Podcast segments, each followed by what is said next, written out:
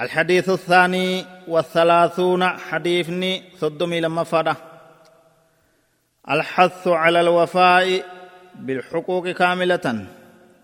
وراجحة حق قوتني كفل برباتشسا تود بيسس.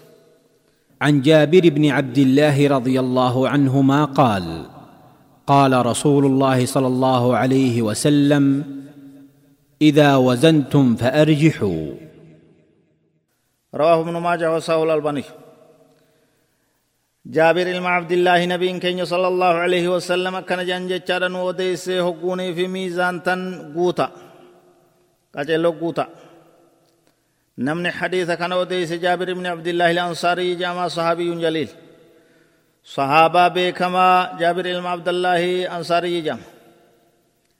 nabii keenyaaf sala allahu alaihi wasallam leeyla halkan aqabaadhaa warra baay'ee lama seenee irraayi isaatii wajji.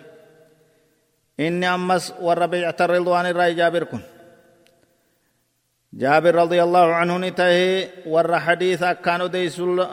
أديس الرأي من المكسرين للحديث حديث نيسا مسند نيسا قيت جرى لكويسان ألف وخمسمائة وأربعون حديثا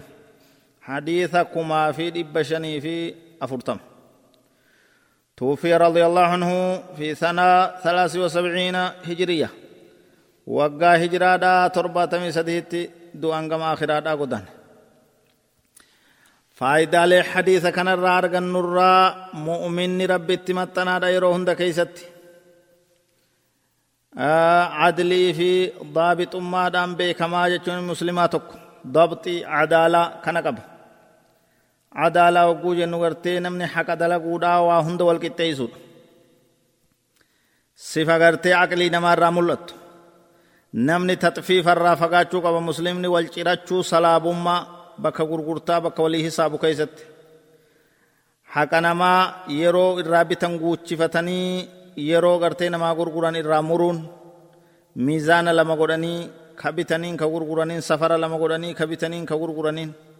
salaabummaa jama kun nama cirachuu jamaa jechu haqa namaa murachuun lammeeysaan ilma namaa muslimaaf ni barbaachisaa qomti isaa bal'oo ta'u ilma namaatti tola ooluu haaluma gartee diin isaa isa ajajeen haala gaarii haala amala gaarii namaa toluu namaa rahmata godhuu nama gargaaru haqa isaanii guutee kennuudhaatu barbaachisa hogguu namaa lakkoytu guutii kenniif hogguu namaa gurgurtu meeshaa san guutii kenniif akkasitti sadee isaan dhaamsa hadiisaa namni gartee